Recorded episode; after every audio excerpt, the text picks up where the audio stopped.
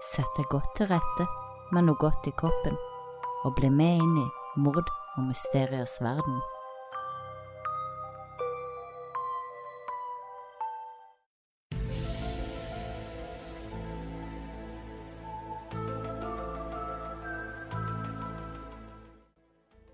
Ufoer har hevda blitt sett over hele verden.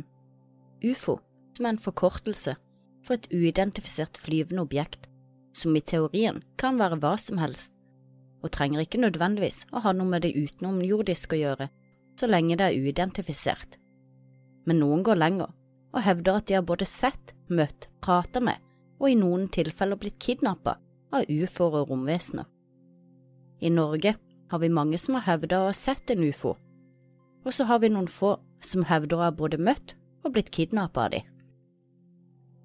25. august 1954 våkna det norske folk opp til avisenes oppslag om at en ufo hadde besøkt Mosjøen. Det var søstrene Edith og Åsta som nå sto fram og hevda å ha sett og snakka med et romvesen under en blåbærtur i Øyfjellet sammen med onkelen deres Halvdan. Edith og Åsta var to voksne kvinner som var kjent for å være både nøkterne og troverdige, og onkelen deres Halvdan avviste å ha sett noe av det niesene beskrev. Saken vakte stor oppmerksomhet i Norge og i utlandet, og i Mosjøen var saken i lang tid et samtaletema. Det var fredag 22. august 1954 da Edith og søstera Åsta og onkelen deres Halvdan dro til Øyfjell i Mosjøen for å plukke multer og blåbær. Det var skyfri himmel og strålende sol, men det var lite bær å finne denne dagen. Utpå formiddagen ble det til at Åsta og Ester ble gående sammen, mens onkelen Halvdan gikk gående et stykke bak dem, uten at søstrene kunne si hvor langt bak han gikk. Edith og Åsta gikk etter hvert ut på ei myr hvor de mente de skulle være en del fine bær, og plutselig fikk de se en mann et stykke unna dem. Først så tenkte de at det var en annen bærplukker, men da han kom mot dem, kunne de se at han ikke hadde noe i hendene. Søstrene gikk mot den fremmede mannen mens de lurte på hvem det var og hva han gjorde der. Da de møtte han, rakte han smilende ut hånda mot Esther for å hilse, men da hun smilte tilbake og skulle trykke ham i hånda, så strøk mannen hånda si fort mot innsiden av Ediths hånd. Deretter begynte mannen å snakke til søstrene, men de forsto ikke et ord av hva han sa. Edith fortalte i ettertid språket var ulikt noe hun hadde hørt tidligere. Selv hadde hun lært både tysk og engelsk, og i tillegg så arbeidet hun med lingaphone-kurs i spansk. Lingaphone er selvstudie i språk og har eksistert siden 1901. Hun hadde også hørt en del på fransk og russisk radio, men det språket som den fremmede mannen prata, var ulikt alt annet. Mannens språk var veldig bløtt og melodiøst, det virka å ha lite konsonanter og ingen hoste- eller spyttelyder. Da de skjønte at mannen måtte være fra det fjerne utlandet, begynte de å se nærmere på ham. Mannen var middels høy, hadde pene ansiktstrekk, mørkt, langt hår med naturlig fall, og ansiktsfargen var pen solbrun. Fargene på øynene la de ikke merke til, men de mente å huske at øynene sto bitte litt skrått. Hendene hans var vakre og uttrykksfulle med lange, fine fingre, slike fingre de så for seg at en mesterpianist måtte ha. Han hadde ingen smykker eller ringer på fingrene. På seg hadde han noe som så ut som en kjeledress med et bredt belte om livet. Søstrene mente det godt kunne ha vært en bukse og en bluse, men at beltet fikk det til å se ut som en dress. Blusen satt tett opp til halsen på mannen, men ellers ganske løst. De la ikke merke til noen knapper eller glidelåser. Fargen beskrev de som kakebrun. Det søstrene la aller best merke til ved mannen, var den vennligheten han utstrålte. Den ga de to søstrene en trygg og god følelse som gjorde at de ikke ble redde under det underlige møtet. De sa at mannens smil overbeviste de om at ikke han ville de noe vondt. Da det ble klart at de ikke forsto mannen og han ikke forsto de, så hadde han tatt fram noe å tegne med Søstrene antok at det var blyant og papir, og hadde derfor ikke studert det så nøye. Så begynte mannen å tegne noen ringer, før han pekte utover myra, søstrene og på en av ringene. Så pekte han på seg sjøl og en av de andre ringene han hadde tegnet. Ediths første tanke var at mannen forsøkte å fortelle dem noe om solsystemet, uten at hun kunne vite det sikkert i ettertid, men det var følelsen både hun og søstera satt igjen med. Mannen hadde deretter gitt et tegn med hånda om at søstrene skulle følge etter han, før han snudde seg og gikk bortover myra. Edith Aastad traska etter, og et lite stykke lenger bort fikk søstrene se en underlig gjenstand. Den var gråblå og så ut som to kjempestore grytelokk lagt mot hverandre. Diameteren beskrev de til å være rundt tre meter og ca. halvannen meter høy.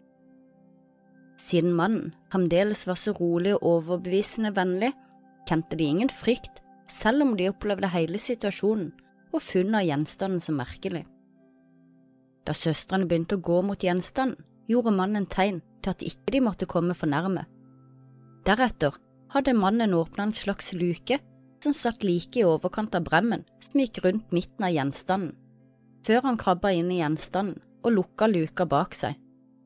Like etterpå hørte Ester Åsta en svak summelyd, omtrent som lyden av ei stor humle, og den underlige gjenstanden løfta seg langsomt oppover mens den roterte rundt sin egen. Det var i dette øyeblikket søstrene så for seg alt de tidligere hadde lest og hørt om ufo. Da ufoen var kommet 20–30 meter opp, sto han stille i lufta et øyeblikk. Så begynte han å rotere veldig fort, før den med en voldsom fart skjøt rett til værs. Snart kunne søstrene ikke lenger se han. Edith og Åsta ble enige om å ikke fortelle til noen om hva de hadde sett. Edith uttalte, da vi sto der med bærspannene våre uten bevis etter at mannen og farkostet var borte, føltes hele situasjonen utrolig og uvirkelig, og vi var redde for å bli gjort til latter hvis vi fortalte det til noen. Litt etter møtet med den fremmede mannen traff de igjen onkelen sin, som hadde blitt gående et stykke bak dem oppe i fjellet. De skjønte fort at onkelen ikke hadde sett eller hørt noe, men Edith syntes det var rart at onkelen ikke hadde merka noe på dem. Selv følte Edith at hun gikk i ørska og prata i hytt og vær mens hun tenkte på det som nettopp hadde skjedd. Det var Åsta som sprakk først. Hun greide ikke å holde hendelsen skjult for mannen sin, og ikke lenge etter begynte praten å gå i byen. En journalist fra Nordlands Folkeblad fikk høre om søstrenes opplevelse, tok kontakt med politiet for å få saken bekreftet. Politiet hadde ikke hørt noe om dette, og det tok ikke lang tid før søstrene ble hentet inn til avhør. Om torsdagen, seks dager etter hendelsen, tok politiet med søstrene opp til Øyfjellet hver for seg for åstedsbefaring. Fantes ingen spor, noe søstrene heller ikke forventa så mange dager etterpå. Edith fortalte at det hadde vært et voldsomt mas fra alle kanter da saken ble kjent. Postkassa ble fylt av brev fra enkeltpersoner og foreninger som drev med undersøkelser om ufoer. Søstrene ble stoppa hver gang de gikk i byen, og ble bedt om å gjenfortelle hva som hadde skjedd. Mange lo av søstrene, og mange ble sinte da de mente at søstrene prøvde å holde byen for narr. Søstrene forsvarte seg med at de bare fortalte hva de hadde sett og hørt, så godt de huska det. Begge søstrene hadde sett de samme tingene og oppfatta hendelsen på samme måte.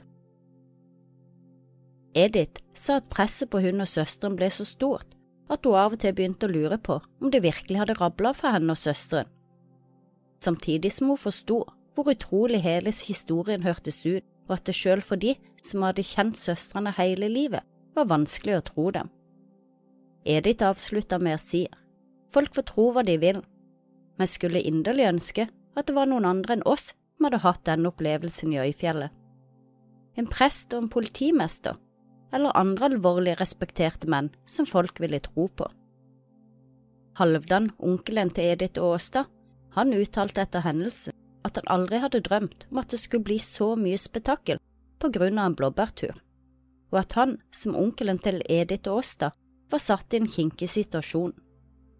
Han forklarte at han på den ene sida ikke ønska å si at niesene hans farte med løgn, men at han på den andre sida var helt sikker på at ingen slike farkost som Ester og Åsta beskrev, letter for blåbærskogen denne dagen.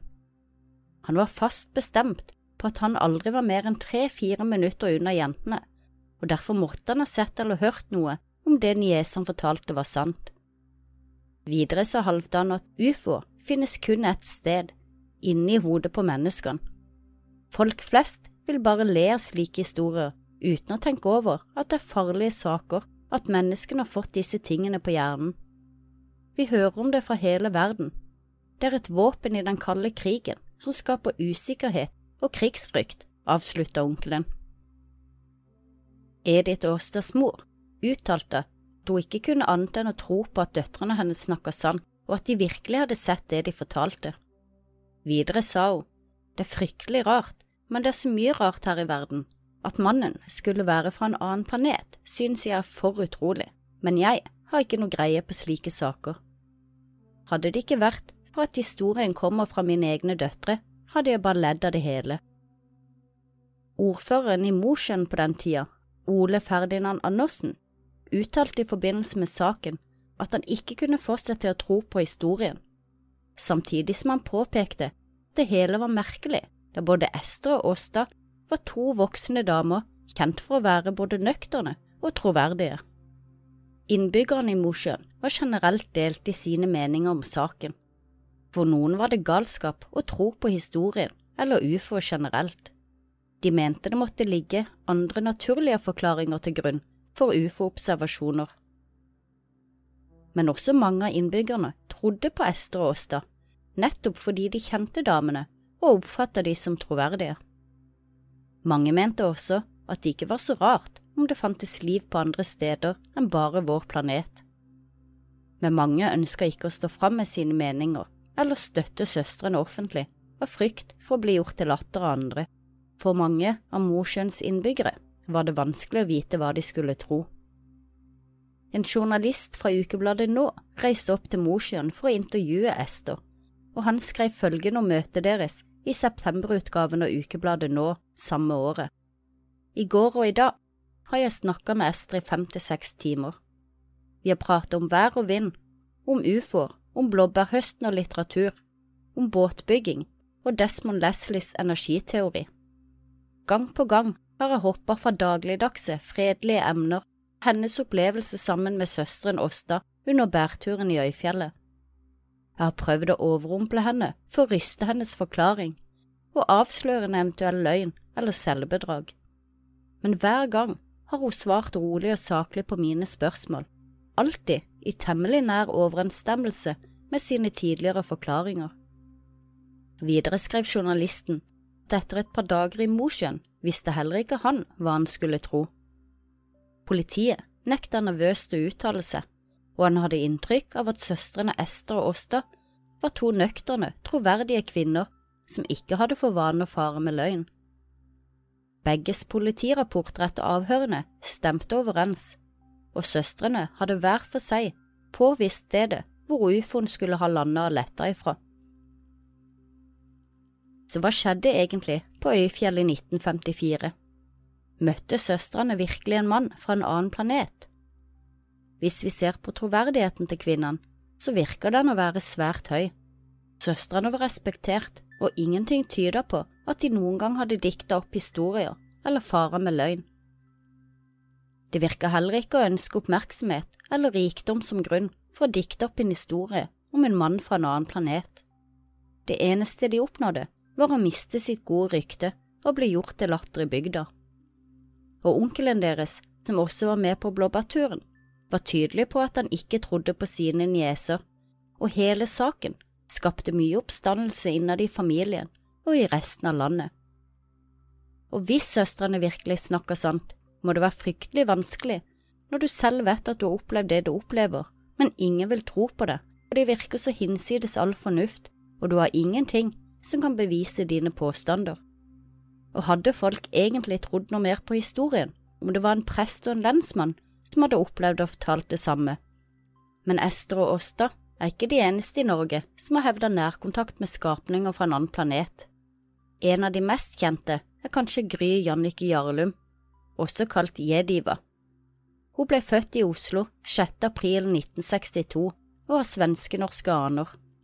I 1981 slo hun for alvor igjennom med musikken sin, og ble landskjent med sangen Svake mennesker. Du svake menneske, hvorfor er du så svak, hvorfor er du så svak? Sangene regjerte topplista i lange tider, og også Primavera lager sin versjon av den. Svake menneske, jeg sier. Du svake menneske, hvorfor er du så svak? Selv vokste jeg opp med denne sangen, og hadde søsken i tenårene da han kom ut og jeg tror alle i Norge på et eller annet tidspunkt sang med for full hals på svake mennesker. Men noen år senere fikk Gry Jannicke oppmerksomhet for noe helt annet. I 1994 ga hun ut boka Du er jeg, hvor hun hevda å ha blitt bortført av romvesener, og at boka var skrevet på automatskrift, det vil si tekst skrevet av en person i dyp transe. Gry Jannicke hevder også at hun er den personen i verden som har hatt den sterkeste ufo-opplevelsen med nærkontakt av femte grad. Det finnes fem grader av kontakt med det utenomjordiske. Første og andre grad er når du ser et lys eller et farkost. Tredje grad er når du ser vesener slik Ester og Åsta hevder å ha sett, og fjerde og femte grad er når du blir bortført og tatt prøver av, og når du kommuniserer med de utenomjordiske. Det var 9. mars 1992 på Mjøsheim at Gry Jannicke sammen med ei venninne møtte to utenomjordiske vesener for første gang. Det så startet uh, alt sammen uh, i 1992, den 9. mars, hvor jeg hadde en uh, sterk nærkontakt av tredje grad med, sammen med en venninne av meg. Og, og, vi opplevde da å se to levende utenomjordiske vesener. Forteller at hun fikk øyekontakt med det ene romvesenet, kunne se de sorte pupillene i de svarte øynene. Hun sa det var noe sarkastisk over blikket hans. Han hadde liten nese og liten munn. Etter møtet følte Gry Jannicke at noe fikk kontroll over henne, og senere på kvelden våkna hun opp av et jordskjelv. Men det var ikke et jordskjelv på utsida. Hun opplevde et skjelv i kroppen, som om alt i kroppen gikk inn i hverandre. Hun tenkte at det måtte være et nerveanfall. På dette tidspunktet hadde Gry Jannicke vært avholds i ett år og var helt nøktern. Senere fikk hun iskalde energier utenfra, og hun fikk automatskrift etter den første ufo-opplevelsen som eh, jeg satt og skrev på en vanlig musikktekst. Og plutselig så begynte bare hånden å skrive av seg selv. Og det var en sånn Jeg kjente en voldsom kraft som bare dro armen eh, bortover. Og hele jeg ble da helt iskald og, og fikk sånne iskalde frysninger som om jeg skulle vært tatt opp av en fryser, liksom. Så jeg ble voldsomt redd. Da kom det syv sider personlig til meg om eh, at de hadde hatt kontakt med meg eh, helt siden jeg var liten, og, og, at det var meningen at jeg skulle være, som du snakket om akkurat nå, en slags budbringer. Hun skulle på Spellemannsprisen den kvelden hun fikk automatskrift, og opplevde å få kontakt med de høye sjelene. Og natta etter drømte hun at hun skulle skrive boken Du er jeg. Bry Annike sier hun var lenge redd for å fortelle om opplevelsen sin, i frykt for at folk skulle tro hun hadde blitt gal. Hun forstår at det høres vilt ut for folk flest, og sier hun nok selv ikke ville trodd på det, hadde hun ikke selv opplevd det. Hun mener at hun ble utvalgt fordi hun kan takle det fysisk og psykisk. I boka si Du er jeg tar hun opp temaer som reinkarnasjon, religion, seksualisering, sorg, sykdom, tankenes kraft, fattigdom, rikdom, liv på andre planeter, politikk og mye mer. Gry-Annike stilte som kandidat for Demokratene i 2005, og hun var lenge politisk aktiv. I boka skriver hun om spørsmålet Hvorfor er vi her på jorden? Og svaret står i boken og kom i automatskrift. Menneskene på jorden i dag er i virkeligheten sjeler som ikke klarte sine oppgaver på andre planeter det var et eksperiment å samle alle de svake sjelene sammen på ett sted og gi dem en ny sjanse. Jeg vet ikke med dere, men jeg får litt sånn skientologifeeling over det svaret som hun gir. Gry-Annike hevder også at hun kan se og snakke med de døde. Hun forteller at da hun kom inn i restauranten i Kongshallen på Fredrikstens festning, som ble drevet av faren til Senkveld-Harald, ble hun svimmel, fikk ikke puste og ble stiv i hele kroppen. Hun forteller at hun er mer redd for gjenferd enn for ufoer, og at romvesenene ikke er her for å skremme oss. En annen nordmann som også har gjort seg bemerket med sin historie, og som hevder seg bortført av romvesener, er Johan Atle Lein. Han ble født 15. november 1942 i Trøndelag og arbeidet i mange år hos Telenor, før han begynte å holde foredrag om sine ufo-opplevelser. Han har flere ganger vært trekkplaster for Alternativmessen, både i Norge og i utlandet, og høsten 1999 så gjestet han Fredrik Skavlans talkshow først og sist, hvor han snakket om sine ufo-opplevelser. Hans første møte med det utenomjordiske fant sted tidlig om morgenen 10. mars 1992. Han våkna av at det sto tre små vesener ved siden av senga hans. Johan Atle skulle tidlig på jobben i Telenor. Vekkerklokka skulle ringe fem på morgenen. Han forteller at han våkna ti minutter før klokka skulle ringe, men klarte ikke å få opp øynene.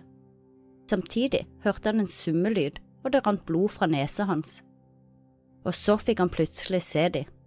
De var tre stykker, rundt 1,10 til 1,20 cm høye.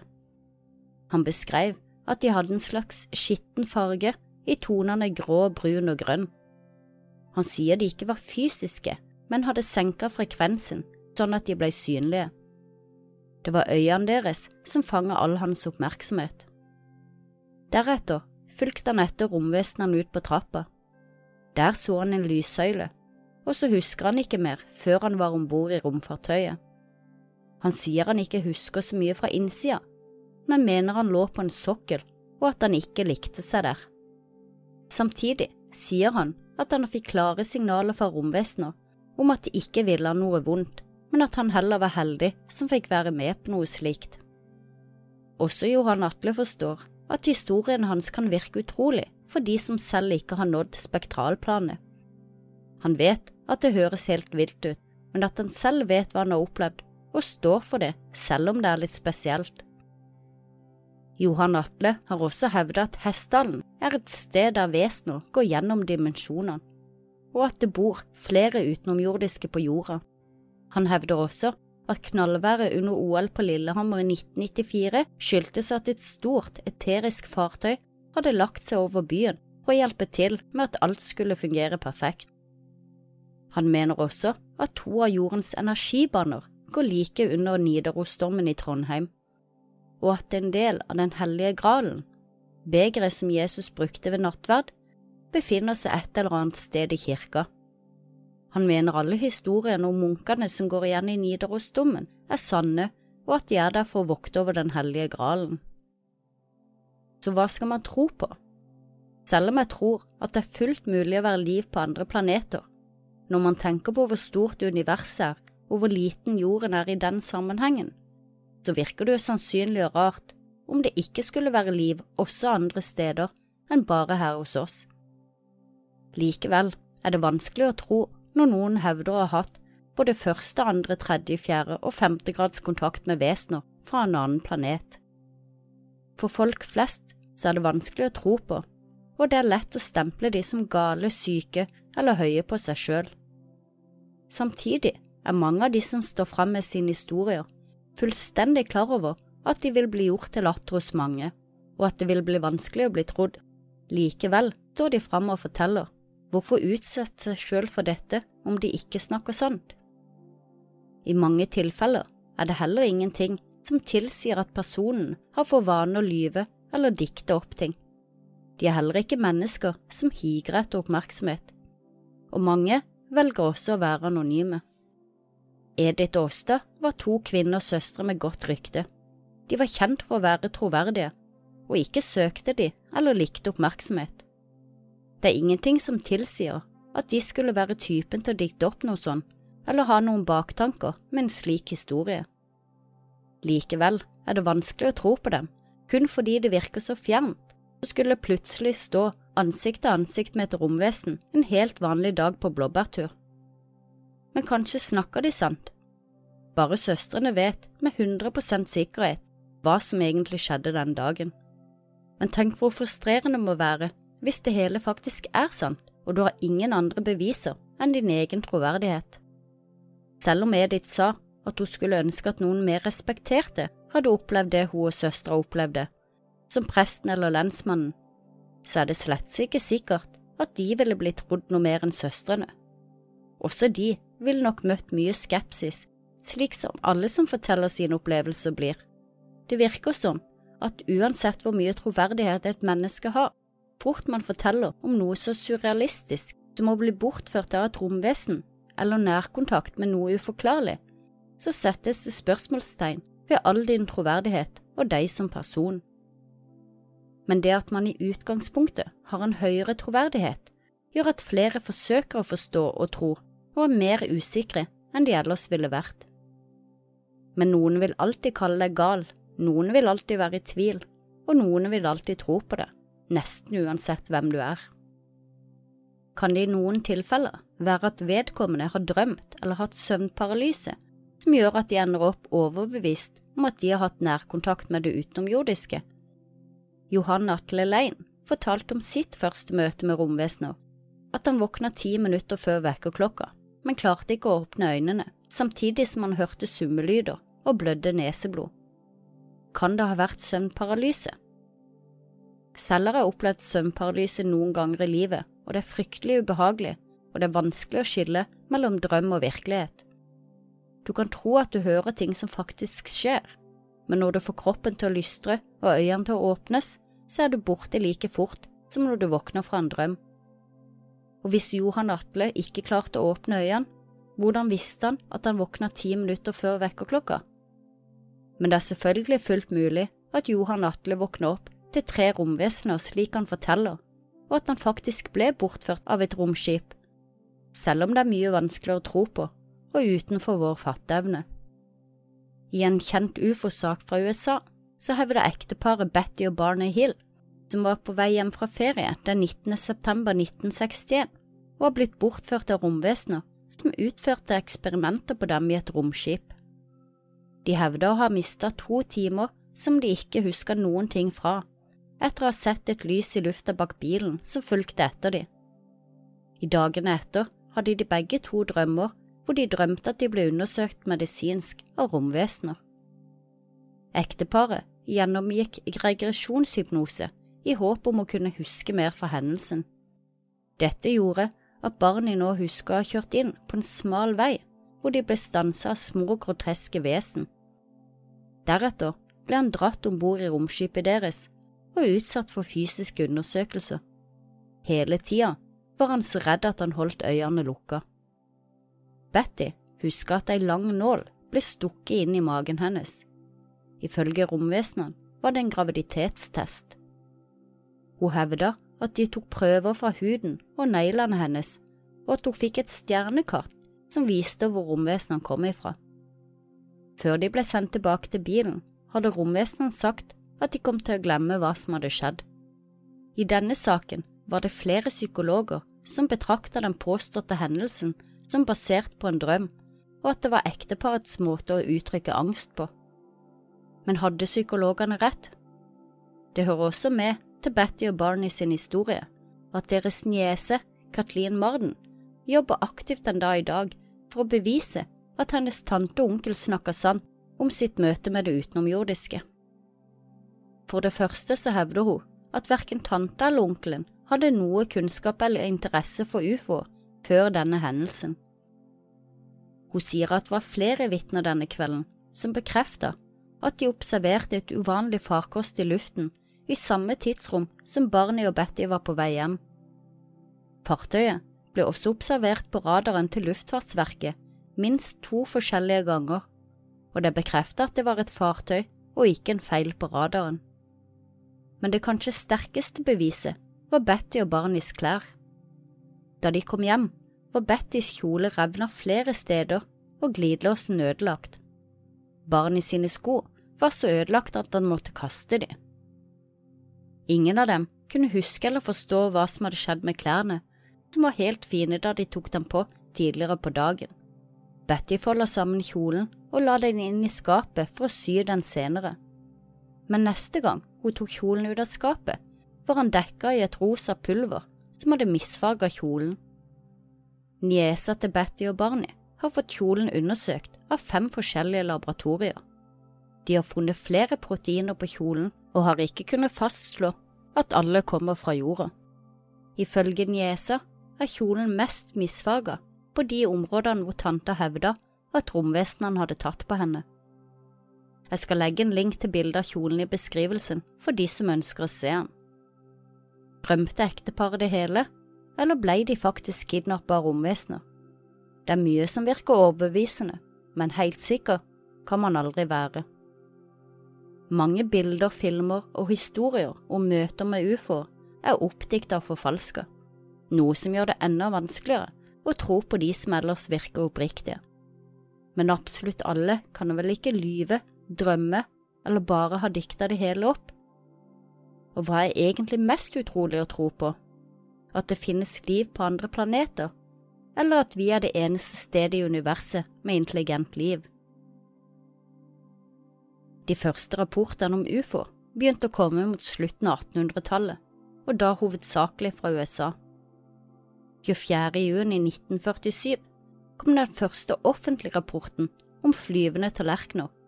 Det var da piloten Kenneth Arnolds hevda å ha sett ni flyvende objekter fly i formasjon over Kaskadefjellene i Washington. Ifølge Kenneth holdt objektene et usedvanlig høyt tempo og bevega seg som en tallerken som man sendte over vannflata. Det var også i 1947 at en ufo krasja i Roswell, en sak som fikk, og ennå får, mye oppmerksomhet i hele verden. I ettertid har militæret hevda at det var den amerikanske hærens luftballong som hadde krasja, ikke en ufo. Og ikke minst det verdenskjente Area 51, en bortgjemt, hemmelig amerikansk militærbase langt ute i ørkenen i Nevada, omringet av gjerder og vakter, med strengt forbud for vanlige mennesker å oppholde seg på flere kilometer avstand. Stedet som ryktes å huse både ufo og romvesener og hemmelig teknologi relatert til utenomjordisk liv. Selv om Area 51 har eksistert siden 1955, var det først i juni 2013 at CIA bekreftet offentlig at stedet eksisterer. Både Roswell og Area 51-sakene har skapt mange konspirasjonsteorier om at staten holder informasjon om utenomjordisk liv hemmelig. Og når vi ser hvordan mange folk reagerer i panikk og krise, slik som nå under koronaviruset, kan jeg godt forstå om de ikke vil offentliggjøre eller bekrefte at det finnes liv på andre planeter. Ufo, det er som et spøkelse. Det er vanskelig å tro på om du ikke har opplevd det sjøl.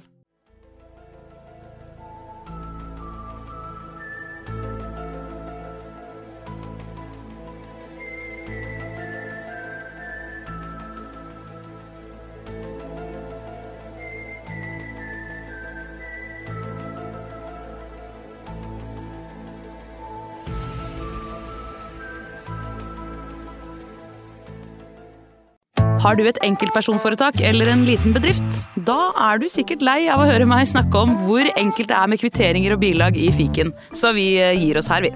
Fordi vi liker enkelt. Fiken superenkelt regnskap.